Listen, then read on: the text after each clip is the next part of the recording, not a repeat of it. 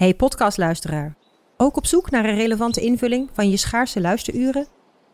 Tune dan in op de podcastserie ESG, even samengevat van BNP Paribas. Wij, Marloes en Aldert, spreken daar duurzame voorlopers en wereldverbeteraars. Waarover dan? Nou, bijvoorbeeld of we ooit duurzaam kunnen gaan vliegen. En waarom koeien in de stad nou een goed idee is? Dat en meer elke twee weken in een nieuwe aflevering. Dus abonneer je. ESG, even samengevat. Al 125 jaar kwaliteit voor jou thuis met Miele. Dat vieren we met jou. Ontvang nu tijdelijk een cashback tot 125 euro op veel Miele-apparatuur. Geniet van de kwaliteit van Miele. Voor perfect verzorgd wasgoed en kleding die veel langer mooi blijft. Voor een stralend schone vaat, even perfect als jouw diners. En een stofvrij thuis waarin echt hygiënisch schoon de standaard is. Check miele.nl voor alle feestelijke aanbiedingen.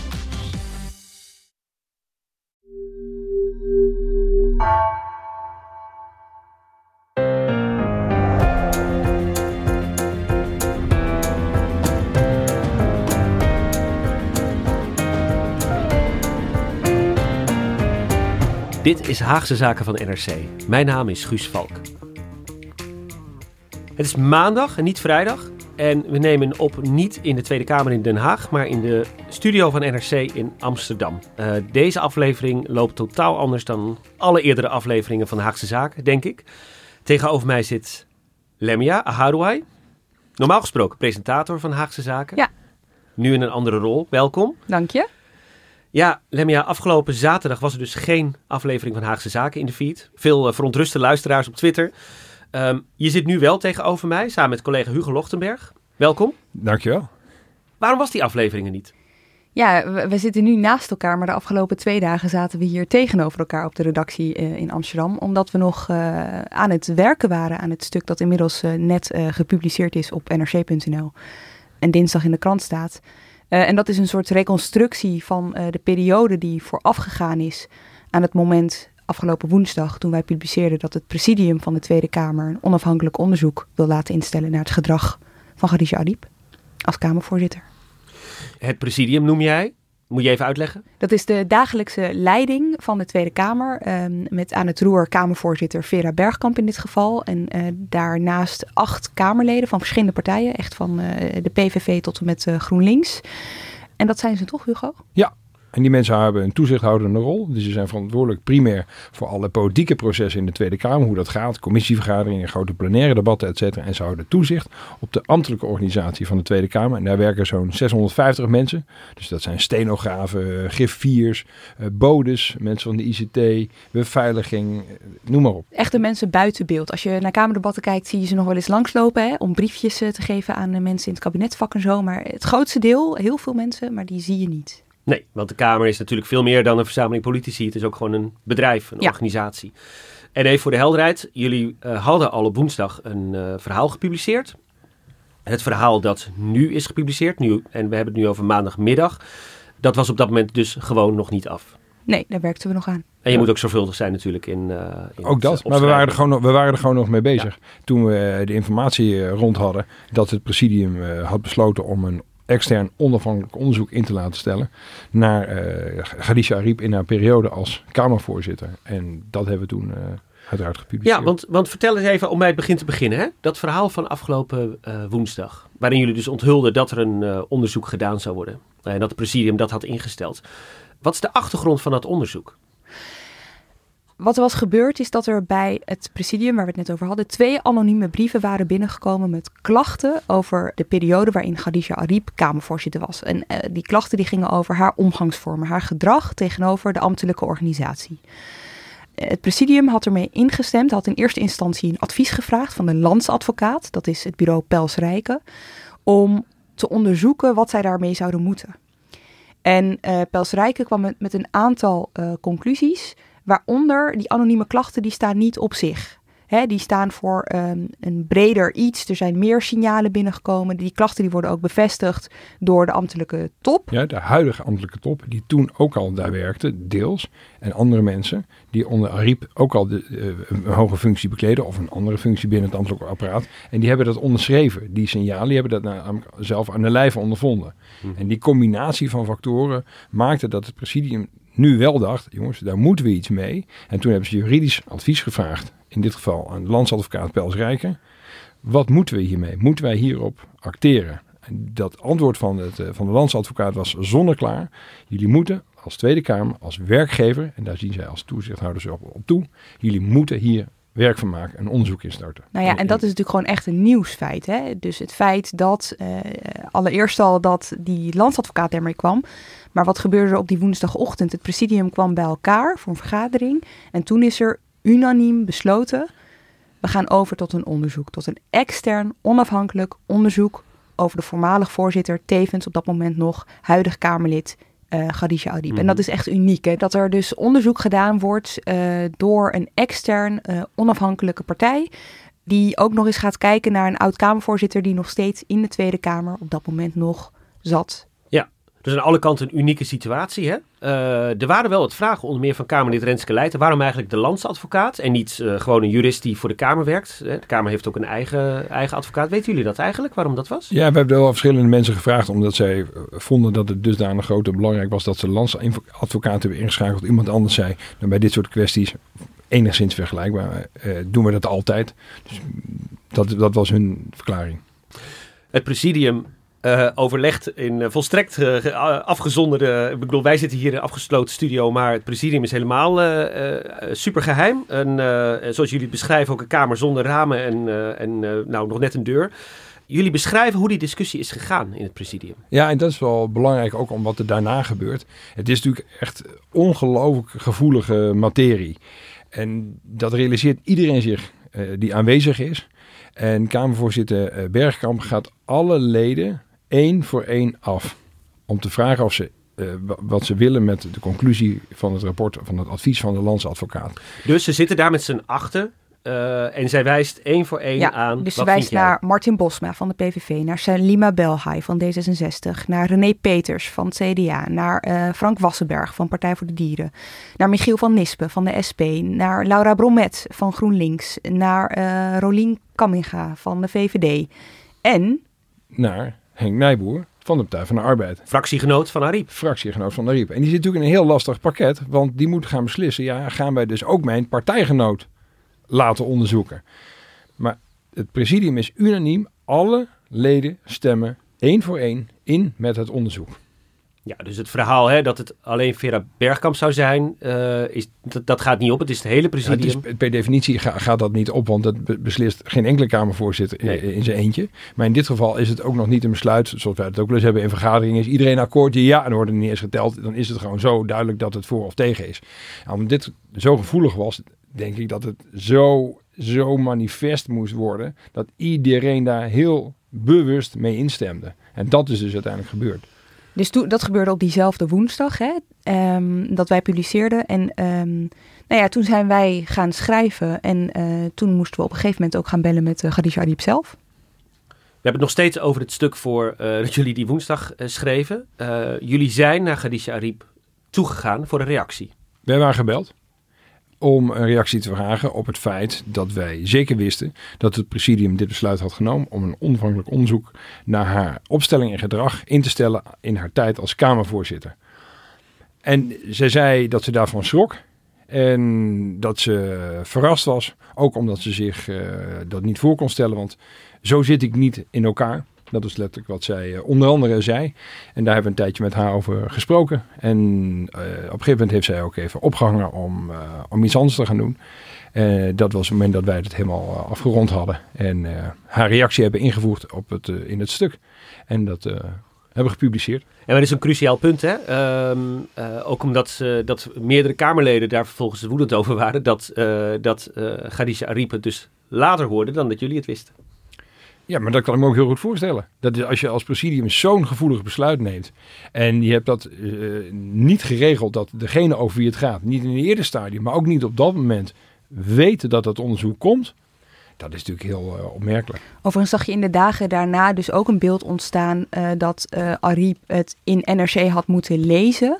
Maar dat is dus niet zo. Dus zij is er vooraf van op de hoogte gesteld. en toen pas zijn we gaan publiceren met haar medeweten, niet haar instemming, want daar gaan wij over. Maar Ja. we hebben tegen haar gezegd dat we gingen dus publiceren. Nou, uh, constateerden jullie dus al in dat eerste stuk een discrepantie tussen Ariep, de Kamervoorzitter, zoals iedereen haar kent in Nederland, en Ariep, ik zal maar zeggen, de, de, de, de, de leider van een organisatie. Um, ja, maar daar gaat het meteen mis, eh, Guus. Want ze is geen leider van de organisatie.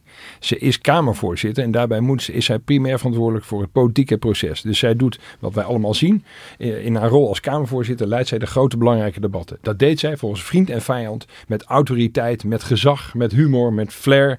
Eh, er zijn tal van voorbeelden van. Maar zij is daarnaast, werkt zij ook nauw samen met de G4, de hoogste ambtenaar van die organisatie van 650 mensen.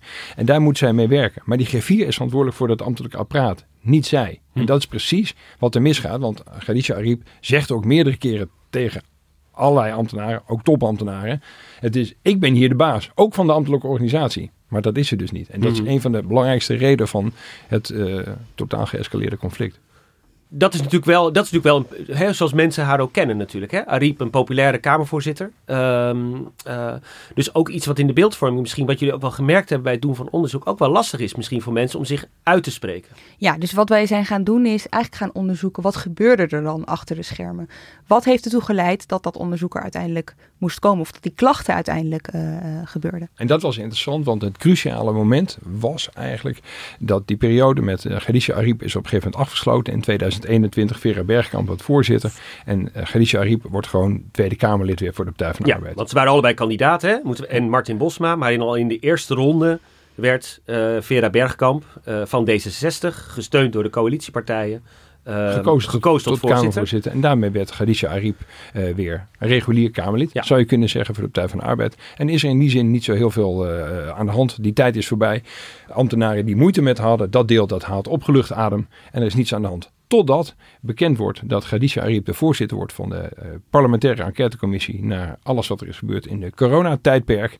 En dat is een ware schokgolf die er door de bepaalde delen van het ambtelijke apparaat gaan. Want die denken, oh nee, want dan komt alles weer terug. Want dan moeten wij weer met Khadija Ariep gaan werken. Ja, dat, begin, dat is begin uh, juli uh, van dit jaar. Je moet je voorstellen, als zo'n commissie aan het werk gaat, dan heeft het uh, ondersteuning nodig van ambtelijk personeel. Dus hè, die mensen die vroeger voor Ariep werkten, of de verhalen over haar kennen, die hadden nu zoiets van, nee, dit gaat ons niet nog een keer gebeuren. Ja, precies, want dat is ook een vraag hè, die veel mensen hadden, van waarom dan nu opeens? Dat is het precies het antwoord. De trigger was het feit dat zij weer voorzitter werd van een prominente commissie. Sterker nog van een parlementaire enquête. Dat is een diepgraaf, dat grootste, het zwaarste instrument dat de mhm. Kamer kan inzetten. En daar werd zij het boegbeeld van. En het ging dus weer direct samenwerken met mensen die slechte ervaring met haar hadden. Nog even vragen over het onderzoek. Hè? Want uh, Lemia, je zei, vanaf woensdag zijn we begonnen, maar ik denk dat jullie al veel langer bezig waren. Maar dat het toen in een soort van uh, versnelling Stroomversnelling kwam, ja zeker. We Kun je uitleggen hoe dat gegaan is? Ja, we praten al uh, wat langer met mensen. Maar wat we woensdag zagen gebeuren, of wat we na de publicatie van woensdag zagen gebeuren, was dat mensen ons ook wat massaler gingen uh, benaderen. Dus we hebben uiteindelijk in totaal zo'n 32 mensen uh, gesproken uh, de afgelopen tijd. Ja, en dat gaf ons een beeld van wat er al die tijd achter de schermen gebeurde in de jaren dat Khadija Ariep tussen 2016 en 2021 Kamervoorzitter was. Wij zagen de beelden, ontving af en toe een prijs. Um, ze, schoof, uh, ze, gaf interviews. En, hè, dus iedereen kende haar als die ene Kamervoorzitter die goed orde kon houden, die humor had, uh, die autoriteit uitstraalde, die de boel in goede ba banen leidde. Maar tegelijkertijd gebeurde er dus in de ambtelijke organisatie van alles. En ik denk dat de rode lijn, uh, daar had Hugo het net al eventjes over, um, het begint ermee dat zij de macht volledig naar zich toetrekt. Dus, um, en dat heeft te maken onder andere denk ik met de uitspraken ik ben de baas. Khadija Ariep wordt in 2016 uh, Kamervoorzitter. En omdat komt, en dat is een heel belangrijk detail, omdat haar voorgangster, uh, Anoushka van Miltenburg, een vrij gezagloze Kamervoorzitter, voortijdig ten val komt. En Khadija Ariep neemt dat over en uh, doet dat naar mening van de Kamer uh, goed. En daarom wordt zij herkozen en dan voor een volledige termijn. En dat is ook meteen het moment dat zij de macht meteen naar zich toetrekt. Dat maakt ze ook duidelijk. Uh, ambtenaren zoals een SG, dat is de hoogste ambtenaar op een ministerie, op de eerste werkdag van een minister, altijd zegt: U gaat over de politiek. Ik over de ambtenaren. Dat zegt iedere SG die een beetje ervaring heeft. Zegt ook de G4 dat, want dat is ook de hoogste ambtenaar. Alleen van dit ambtelijk apparaat van de Tweede Kamer. Die zeggen dat ook tegen Ariep. U de politiek, wij de ambtenarij. Maar daar heeft Khadija Ariep niet zo heel veel mee op. Zij wil het zeggenschap hebben over dingen die haar bevallen, maar vooral ook over de dingen die haar niet bevallen. En dat zijn er best veel. Ja, en uh, nou is het, komt dat op zich niet uit de lucht vallen, want jullie uh, citeren in jullie verhaal ook uh, een, een, rapport uit 2014, een opdracht van het presidium opgesteld, waaruit ook blijkt dat er in de organisatie wat een en ander mis is in de Tweede Kamer. Dus dat er ook wel iets moet gebeuren, toch? Ja, maar dat is belangrijk om te zeggen. Dat gaat over de ambtelijke organisatie. Die is verouderd. Daar werken met verouderde systemen. Het is een beetje conservatief bolwerk ook. Ieder besluit tot verandering is het begin van een discussie, et cetera. Dus die organisatie moet geprofessionaliseerd, die moet verzakelijken. Dat is een duidelijk advies wat er ligt. Maar dat advies is niet aan de Kamervoorzitter, maar dat is aan de griffier. Maar er is net een nieuwe griffier gekomen en twee nieuwe directeuren. En die drie mensen, cruciaal om dat te laten slagen, die gaan er binnen drie jaar één voor één allemaal uit naar botsingen met Ariep. Want wat gebeurt er? Uh, Ariep wordt, uh, is dus Kamervoorzitter in 2016 geworden. Dan zijn er Tweede Kamerverkiezingen in 2017. Normaal op het moment dat de nieuwe Kamervoorzitter wordt gekozen. En zij wordt, zoals Hugo al zegt, herkozen. En de ondernemingsraad van uh, de Tweede Kamer, het is een bedrijf, hè, dus ze hebben ook een eigen ondernemingsraad. Um, die sturen haar een brief en die feliciteren haar. Maar daarna um, komt ook een wat ernstigere boodschap. Dus dan uh, uiten ze ook hun zorgen over het feit dat dat verschil tussen de politieke aansturing en de ambtelijke uh, aansturing onder haar vervaagt. Dus dat zij dat allebei uh, naar zich toetrekt. En ze spreken hun zorgen daarover uit. En Ariep, ja, die nodigt ze uit voor een gesprek. En daar is ook de griffier, de hoogste ambtenaar bij. En dat wordt een memorabel, maar ook een cruciaal gesprek. Want Ariep droogt die mensen volledig af. En die zijn er danig onder, onder, onder, de indruk. Zo onder de indruk dat de twee mensen van de ondernemingsraad, de voorzitter en de vicevoorzitter, na ruggespraak met de, de andere leden van de ondernemingsraad, uh, Khadija Ariep, nog een keer een brief schrijven. En dat ze wat ze daar hebben meegemaakt, uh, dat ze dat zeer verontrust. En dat de manier waarop de topambtenaar, de G4, daar is behandeld, dat zij dat als intimiderend hebben ervaren. En dat ze uh, meteen in die brief ook laten weten dat ze geen enkele prijs meer stellen op welk contact dan ook, direct contact met Ariep. En zelfs geen evaluatiegesprek willen van dat gesprek, hetgeen er is voorgevallen. Een paar quotes uit die brief. De OR heeft uw gedrag als intimiderend en aanmatigend ervaren. Ariep zou uh, tot driemaal toe hebben aangegeven de baas van de Tweede Kamer uh, te zijn. Dus ook van de ambtelijke organisatie. En er staat, u was hard en in onze ogen ongenuanceerd in uw uitspraken. En die brief, wat is ermee gebeurd? Die is nooit verstuurd. Waarom niet? Ja, dat is heel belangrijk. Uh, detail. de G4 in kwestie, Renata Vos, heeft daarop aangedrongen om dat niet te doen, omdat haar relatie met Khadija Ariep toch al zo slecht was. Dus die brief is uiteindelijk niet verstuurd. En uh, het heeft weinig geholpen, want korte tijd later Renata, Renata Vos alsnog de Tweede Kamer. In een poging om de verhoudingen niet verder te verstoren, is die brief dus altijd in een labelen gebleven. Exact. Um, jullie beschrijven veel over de werkwijze van, uh, van Ariep. En ook, um, jullie beschrijven ook dat er een bepaald gevoel van onzekerheid in de organisatie kruipt. Hè, door, uh, door bepaalde manier van werken die, die Ariep als voorzitter had. Kun je daar iets meer over vertellen? Ja, we kregen een heleboel um, voorbeelden en die voorbeelden die toonden ons eigenlijk een patroon aan. En dat was er een van een Kamervoorzitter die ja, zich heel grillig gedroeg. Dus um, mensen hadden het over uh, weekkoersen, dagkoersen, uurkoersen. Soms sloeg het zelfs om in een half uur. En waar hebben we het dan over? We hebben het over kleineren, we hebben het over negeren, we hebben het over isoleren. Um, en hebben we ook wel wat voorbeelden bij, uh, Hugo? Nou, wat ik belangrijk vind om te zeggen is dat dat voor ons ook, dat is een proces dat je ook als journalist doormaakt. Je, je hoort dat en de eerste keer denk je, nou ja, god, ja, oké, oké, dat zijn nogal grote woorden die u gebruikt. Hè? Negeren, isoleren, snap je? En dan vraag je naar voorbeelden daarvan. In het volgende gesprek ga je natuurlijk weer uh, voorbeelden vragen, et cetera. Want mensen komen heet het met dezelfde termen aanzetten. Mensen die elkaar niet kennen uit een ander tijdsgevricht, uit een andere afdeling van de Kamer. Het komt voortdurend op hetzelfde neer. Dus bij we hebben inmiddels, geloof ik, uiteindelijk 32 mensen nu gesproken. Jazeker, 32. Is dus op een gegeven moment denk je, maar dit is een patroon. Het gebeurt de hele tijd hetzelfde. Het is dus niet schreeuwen, schelden met laptops gooien. Maar het gaat dus uh, ja, filijn, zou ik willen zeggen. Onderhuids. Het kruipt ook onderhuids bij die ambtenaren. Ja, maar dat is het gevolg daarvan. Ja. Dus er, zijn, er zit iemand, een, een, ambtenaar zit daar en die wil iets gaan zeggen. Want daarvoor zit hij daar aan tafel en zegt Khadija Riep... Jouw mening vind ik nu helemaal niet interessant. Of aan deze tafel niet interessant. Dat is natuurlijk ontzettend schofferend ten overstaan van andere collega's of andere bezoekers. Dan kun je denken, ach dat gebeurt een keer, we maken allemaal wel eens een foutje. Maar als dat systematisch gebeurt, en stelselmatig gebeurt met verschillende mensen die allemaal dit soort voorbeelden hebben. Dus een stoel weg laten halen net voor een vergadering, waardoor de beslissende ambtenaar binnenkomt en zegt: Nee hoor, jij hoeft niet te komen, er is toch geen plek voor je. En als je dat maar lang genoeg doet, dan slaat het twijfel bij mensen toe. En dat is wat die mensen ontzettend onzeker maakt. Maar echt onzeker in de zin dat ze, dat ze er echt last van krijgen. En hulp zoeken bij elkaar en zelfs bij professionele hulpverlening. En aan de bel trekken bij de vertrouwenspersonen, bij bedrijfsartsen, bij de ondernemingsraad, bij hun leidinggevende. Dit is niet te doen. En bij het presidium. Dus het presidium, hè, gaan we weer even terug naar het begin. Die Kamerleden die dat dagelijkse, nou ja, het is geen bestuur, maar die de dagelijkse leiding hebben over de Tweede Kamer. Die worden meermaals hiervan op de hoogte gesteld. En die zien het ook wel. we hebben ook wel eens gevraagd als het gebeurde in, in aanwezigheid van presidiumleden. Wat deden ze dan?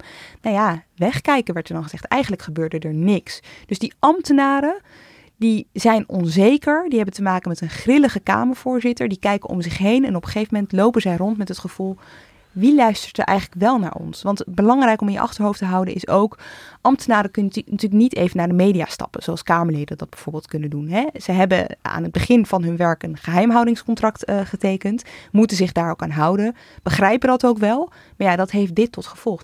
Ja, ze lopen eigenlijk met hun ziel onder hun arm. Ja, en de vraag is wat voor interne mechanismen zijn er die um, een medewerker beschermen? Hè? Want we hebben natuurlijk veel vaker de laatste tijd verhalen uh, gelezen, ook in NRC, over, uh, hè, dat ging soms over Kamerleden ook bijvoorbeeld, uh, en hun medewerkers, waaruit bleek dat, dat mensen die zeg maar, ondersteunend werk doen in de Tweede Kamer, of wat voor manier dan ook, um, vaak maar weinig um, uh, formele wegen te bewandelen hebben als, als hen iets grensoverschrijdends overkomt. Wat in een, in een, een jungle als de Tweede Kamer wel vaak, wel vaak gebeurt. Dat merken wij ook wel, Lemia. Wij, wij zijn er dagelijks.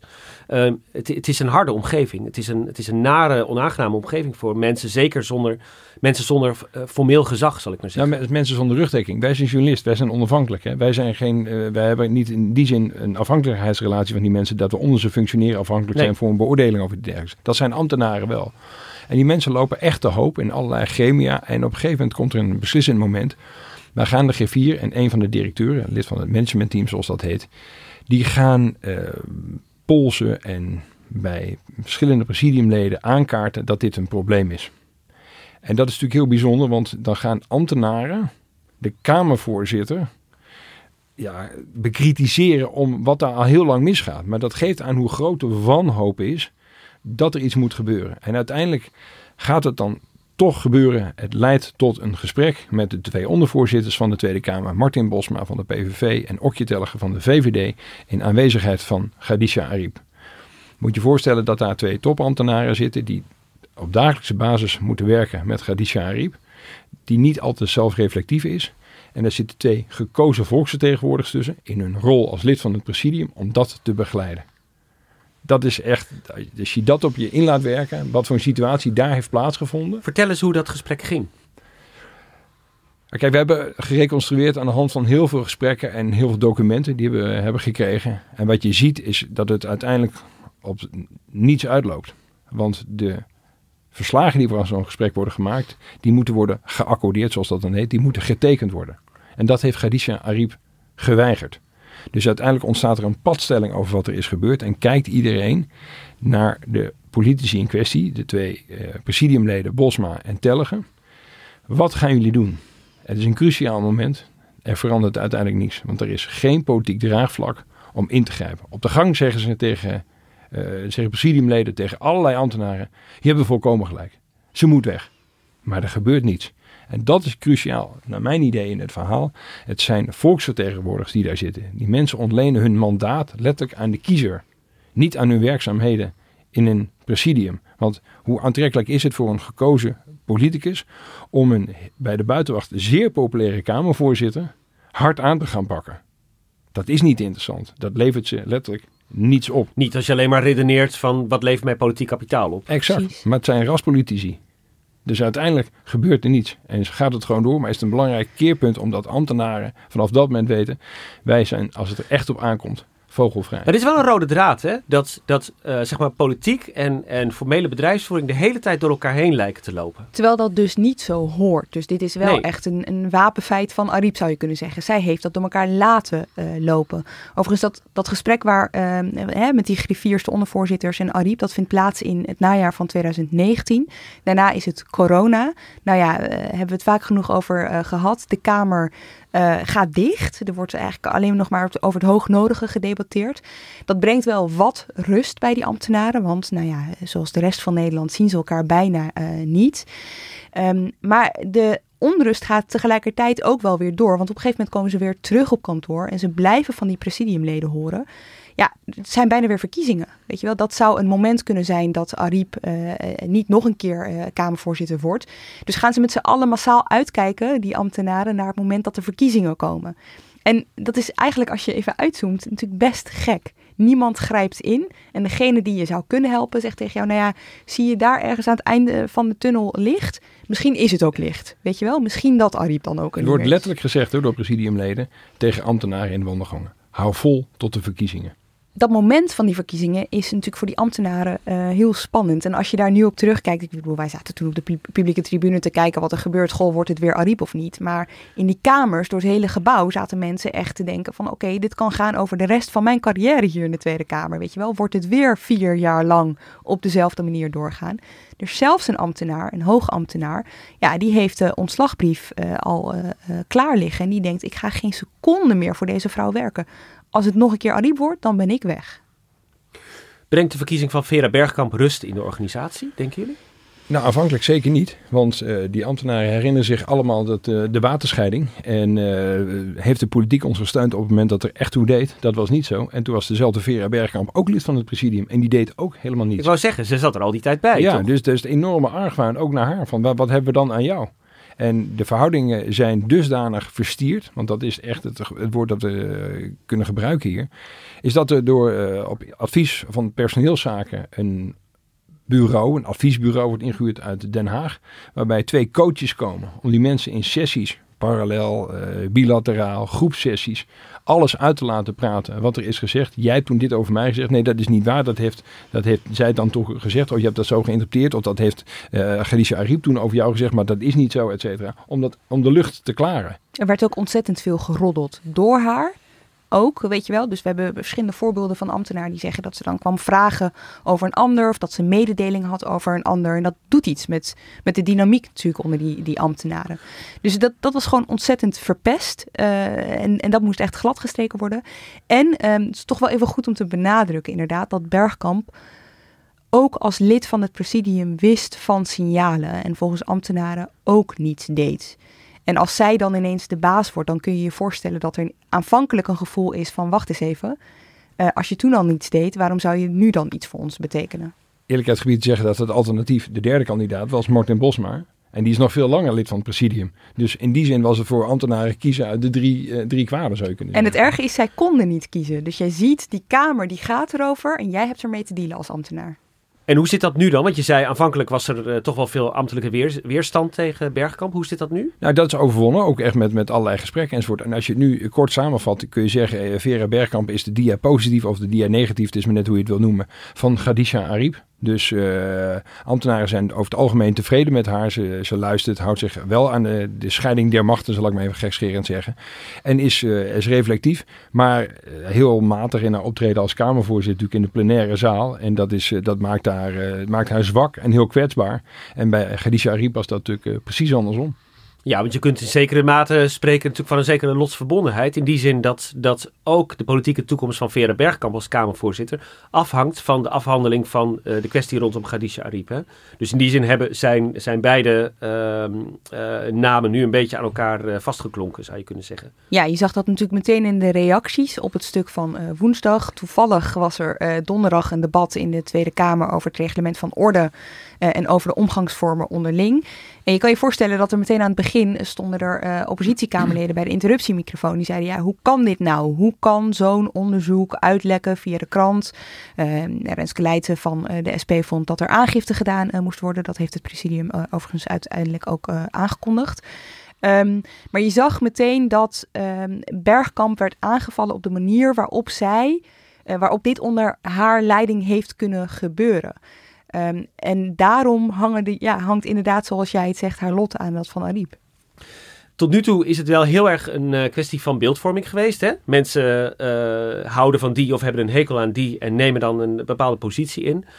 Wat dit verhaal doet, hè, wat, uh, wat jullie vandaag hebben gepubliceerd, is dat het volgens mij een bepaalde inkleuring geeft aan, um, aan algemene termen die we al kenden. Dus wat betekent dat dan, machtsmisbruik? Wat betekent dat dan uh, als, als iemand zich zo gedraagt? Dus in die zin denk ik dat de feiten nu wel echt op tafel liggen. Nou, wat je ziet in de reactie op ons eerste stuk is dat Khadija Ariep ontzettend populair is. En de mensen dat eigenlijk niet willen accepteren van dat er iets zou zijn. En dus richt het zich, mede door Ariep zelf, heel erg op de vraag... hoe kan het zijn gelekt, et cetera. Terechte vraag, geen misverstand daarover. Maar het, het ontslaat haar niet om ook naar de feiten te kijken. En daar ging het niet om. En dat is natuurlijk de beeldvorming. Daar is uh, Khadija Ariep een meester in. Ze weet als geen ander hoe dat werkt, wat je daarvoor moet doen en laten. Ja, het is wel interessant om even op die mediadynamiek uh, in te zoomen. Want wat gebeurt er woensdagavond? Wij bellen haar. Nou, Hugo legt net al uit hoe zij bij ons reageert. Hier uh, herken ik me niet in, zo ben ik niet. Uh, ontzettend geschrokken. En dan nog diezelfde avond in het AD, in de Telegraaf, wijst ze naar Vera Bergkamp, noemt ze het een politieke afrekening, is het een dolk in haar rug. Uh, de volgende dag alle media erop, één voor één in haar werkkamer, daar legt ze hetzelfde uit. En zo verschuift ze het beeld helemaal weg van de klachten en richting Vera Bergkamp en wordt het een tweestrijd tussen de huidige voorzitter en de oud-voorzitter. En de een beschuldigt de ander van iets. En zo, ja, zo sukkelt het, het, dan een het, paar dagen door. En dat onderzoek dat op handen is, dat noemt Ariep dan al een schijnonderzoek. Dat moet dus nog beginnen, maar dat is nu al schijn. En een poppenkast, weet je wel. En die, en die ambtenaren en die klachten en de aanleiding om tot een onderzoek te komen, daar gaat het dan eigenlijk helemaal niet meer over. Dus het gaat weer om het proces. Het gaat om de mensen, maar niet om de mensen die uiteindelijk aan de bel hebben getrokken. Dus die ambtenaren denken opnieuw, waar staan we nu naar te kijken? Die politici moeten eindelijk hun werk doen en nu gebeurt het weer niet. Zijn ze weer alleen maar druk met elkaar? En hoe dan het? A tegen B. Ja, en het, het gaat heel goed de vraag dus... Uh, wie, hoe heeft het gelekt kunnen worden? Hoe heeft het zo kunnen gebeuren dat, uh, dat Ariep het nog niet wist uh, en het van, van twee NRC-journalisten moest horen? En was, was hier sprake van een politieke afrekening? Dat is ongeveer de, dat is ongeveer de Haagse dynamiek. Betekent het feit dat Ariep is gestopt als Kamerlid, heeft dat gevolgen voor, voor het onderzoek eigenlijk? Dat is heel spannend. Dat wordt een van de cruciale beslissingen waar het presidium mede door eigen toedoen uh, voor staat. Gaan we dat onderzoek alsnog laten uitvoeren door een extern onafhankelijk bureau? De grote vraag is dus eigenlijk, hè, dat, dat onderzoek dat er dan nu uh, zou komen. De vraag is dus, komt dat er nu eigenlijk nog wel? Ik kan me voorstellen dat voor de ambtenaren die zo vaak zeg maar machteloze toeschouwers zijn geweest. Hè, bij, die, bij die herverkiezing die er uiteindelijk dan niet kwam. Uh, bij, bij het presidium dat niet ingreep enzovoort enzovoort. Dat ze weer zo'n gevoel hebben misschien van, ja, staan we weer met lege handen. Ja, het presidium zal zich daarover moeten beraden. Als wij aan het opnemen zijn, is de brief van Bergkamp er nog niet. Overigens is de deadline van één uur dus al lang uh, verstreken. Maar goed, wij hebben nog geen signalen gehad dat, dat het onderzoek niet door zou gaan. In ieder geval wat, waar, waar ambtenaren heel erg op hopen. Dat dit alsnog eindelijk wordt uitgezocht. Omdat het iets aangeeft hoe het kan gebeuren. En dat er dus een disbalans is tussen de, de macht en de, de controlemechanismen die erbij horen voor een, iemand in een positie als Kamervoorzitter. Overigens ben ik daar echt uh, nog oprecht wel heel erg benieuwd naar. Of dit dus ook iets gaat veranderen aan uh, ja, de, de organisatiestructuur ervan. Want je ziet hoe kwetsbaar het is. Uh, hè, dat voorbeeld, we hebben, het, we hebben het uitgebreid besproken met Kamerleden met andere belangen. Die uiteindelijk wel toezichthouder zijn. De macht van een Kamervoorzitter. Ja, je kan je afvragen, is dit wel op de juiste manier geregeld? Ja, voor de goede orde. Het is in het verleden ook. Hè, ik herinner me dat Jacqueline Biesheuvel volgens mij G4 was onder uh, Gerdy Verbeet als Kamervoorzitter. Ja, dat zijn twee uh, sterke vrouwen. En, maar dat ging heel goed samen. Die waren in dat opzicht aan elkaar gewaagd. Dus het is per definitie een spanningsvolle relatie, omdat daar veel op het spel staat. Maar het is heel erg, doe je dat samen. It takes two to tango. En dat, als je dat niet hebt, dan gaat het mis.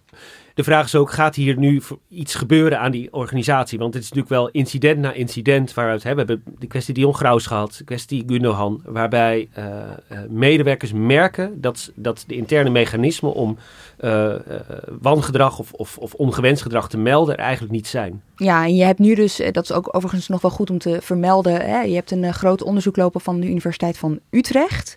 Uh, dat is in de zomer begonnen, als ik uh, me niet vergis. En dat is een, de, geen feitenonderzoek, maar een soort belevingsonderzoek. En dat is heel breed uitgerold. Dus zowel onder ambtelijk medewerkers als onder fractiemedewerkers als onder Kamerleden. Al begrijpen we uit het advies van de landsadvocaat dat de fractiemedewerkers en Kamerleden nog in laag respons hebben gereageerd. Niet, eigenlijk bijna niet hebben gereageerd. En medewerkers, ambtelijk medewerkers wel. Dus dat, dat loopt. Um, maar ja, je kan je ook afvragen wat zo'n onderzoek, wat toch een beetje vaag is als ik uh, naar de hoofdvragen kijk, um, uh, op kan leveren. Het punt is, het gaat niet zozeer of klachten gemeld kunnen worden, want dat is hier ook gebeurd. Ja. De voorzitter van de huidige ondernemingsraad laat ons desgevraagd weten dat in de periode dat Khadija Ariep Kamervoorzitter was, er tien medewerkers zijn geweest, meer dan tien zelfs, die in die periode zich bij hen hebben gemeld. Zij hebben ze volgens allemaal doorgeleid naar vertrouwenspersoon en die mensen aangemoedigd om klachten in te dienen bedrijfsartsen en vertrouwenspersonen hebben aan de huidige Kamervoorzitter al in een brief laten weten dat in de periode 2018-2021 23 medewerkers zich hebben gemeld met eensluidende klachten met gedetailleerde verklaringen. Dus het melden is niet het probleem. Het probleem is dat er niemand ingrijpt, dat er niemand acteert. En dat komt mede, een belangrijke verklaring, is dat het, het, gremium, om dat vreselijk woord maar te gebruiken, dat het moet doen, is het presidium. En daarin zitten gekozen volksvertegenwoordigers. Die ontlenen hun mandaat aan de stem van de kiezer. En niet wat er in zo'n presidium gebeurt. Dus hoe interessant is het voor die mensen om in te grijpen? Dus is er uiteindelijk iets mogelijk iets te verzinnen dat er iemand wel adequaat optreedt en ingrijpt? Dat is wat er ontbreekt. En terwijl uh, de Haagse werkelijkheid zich de komende dagen waarschijnlijk heel erg zal richten op, um, uh, op de rol van Vera Bergkamp. En, uh, en, en, en de Haagse dynamiek weer een totaal eigen twist and turn zal, zal, zal nemen. Is het wel goed, en dat benadrukken jullie ook de hele tijd, om ook oog op de bal te houden. En te blijven kijken naar de ambtenaren, ondersteunende staf enzovoort. Ja, dat, dat vind ik wel, als ik dat mag zeggen, wat ik me opvalt, is dat Pieter Omzicht en Renske Leijten stellen terecht vragen over de procedure.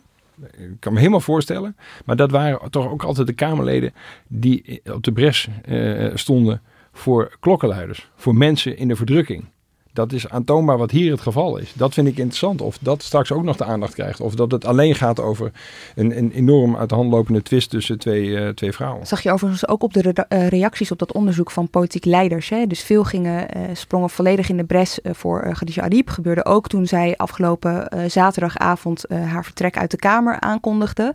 Um, moet je je voorstellen dat je een van die ambtenaren bent en dat je al die reacties leest van hè, politici voor wie jij werkt, die haar met z'n allen aan het ophemelen zijn, met weinig tot geen uh, aandacht voor, wacht even, er zijn ook klachten.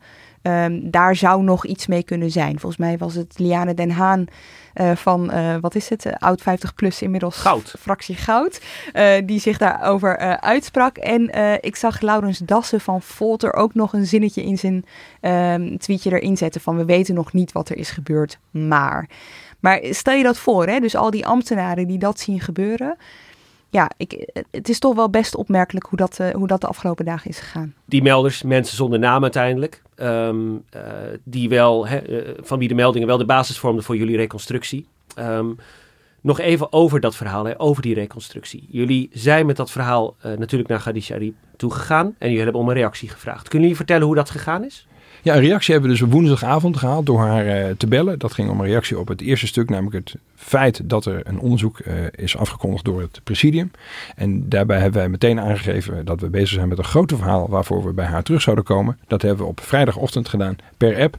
En om een lang verhaal kort te maken, dat uh, hebben wij op alle mogelijke manieren geprobeerd. Per app per telefoon, uh, per mail uiteindelijk. Uh, hebben we op zaterdagavond, omdat ze nergens op reageerden of eerder afspraken om contact op te nemen, toch weer niet nakwam. Hebben we die op zaterdagavond laat hebben we die gestuurd. 32 vragen. Waarvan ze dus wisten dat die kwamen tot zondagavond. Uh, vonden ze te weinig tijd, hebben we nog verlengd. Oké, prima, maak er morgenochtend 9 uur van. Geen probleem. Maar dat is toch wel echt de deadline, want we zijn hier sinds vrijdagochtend mee bezig. En uiteindelijk heeft ze nergens op gereageerd. Dank jullie wel, Hugo Lochtenberg en Lemia Aharouai. Uh, dit was uh, Haagse Zaken. De redactie was in handen van Ruben Pest en Henk Ruigrok van de Werven. De montage is gedaan door Pieter Bakker. Komende zaterdag is er uh, hopelijk een normale Haagse Zaken. En dan zit Lemia weer in mijn stoel. En ik misschien aan de overkant, weet ik nog niet. Voor nu bedankt voor het luisteren.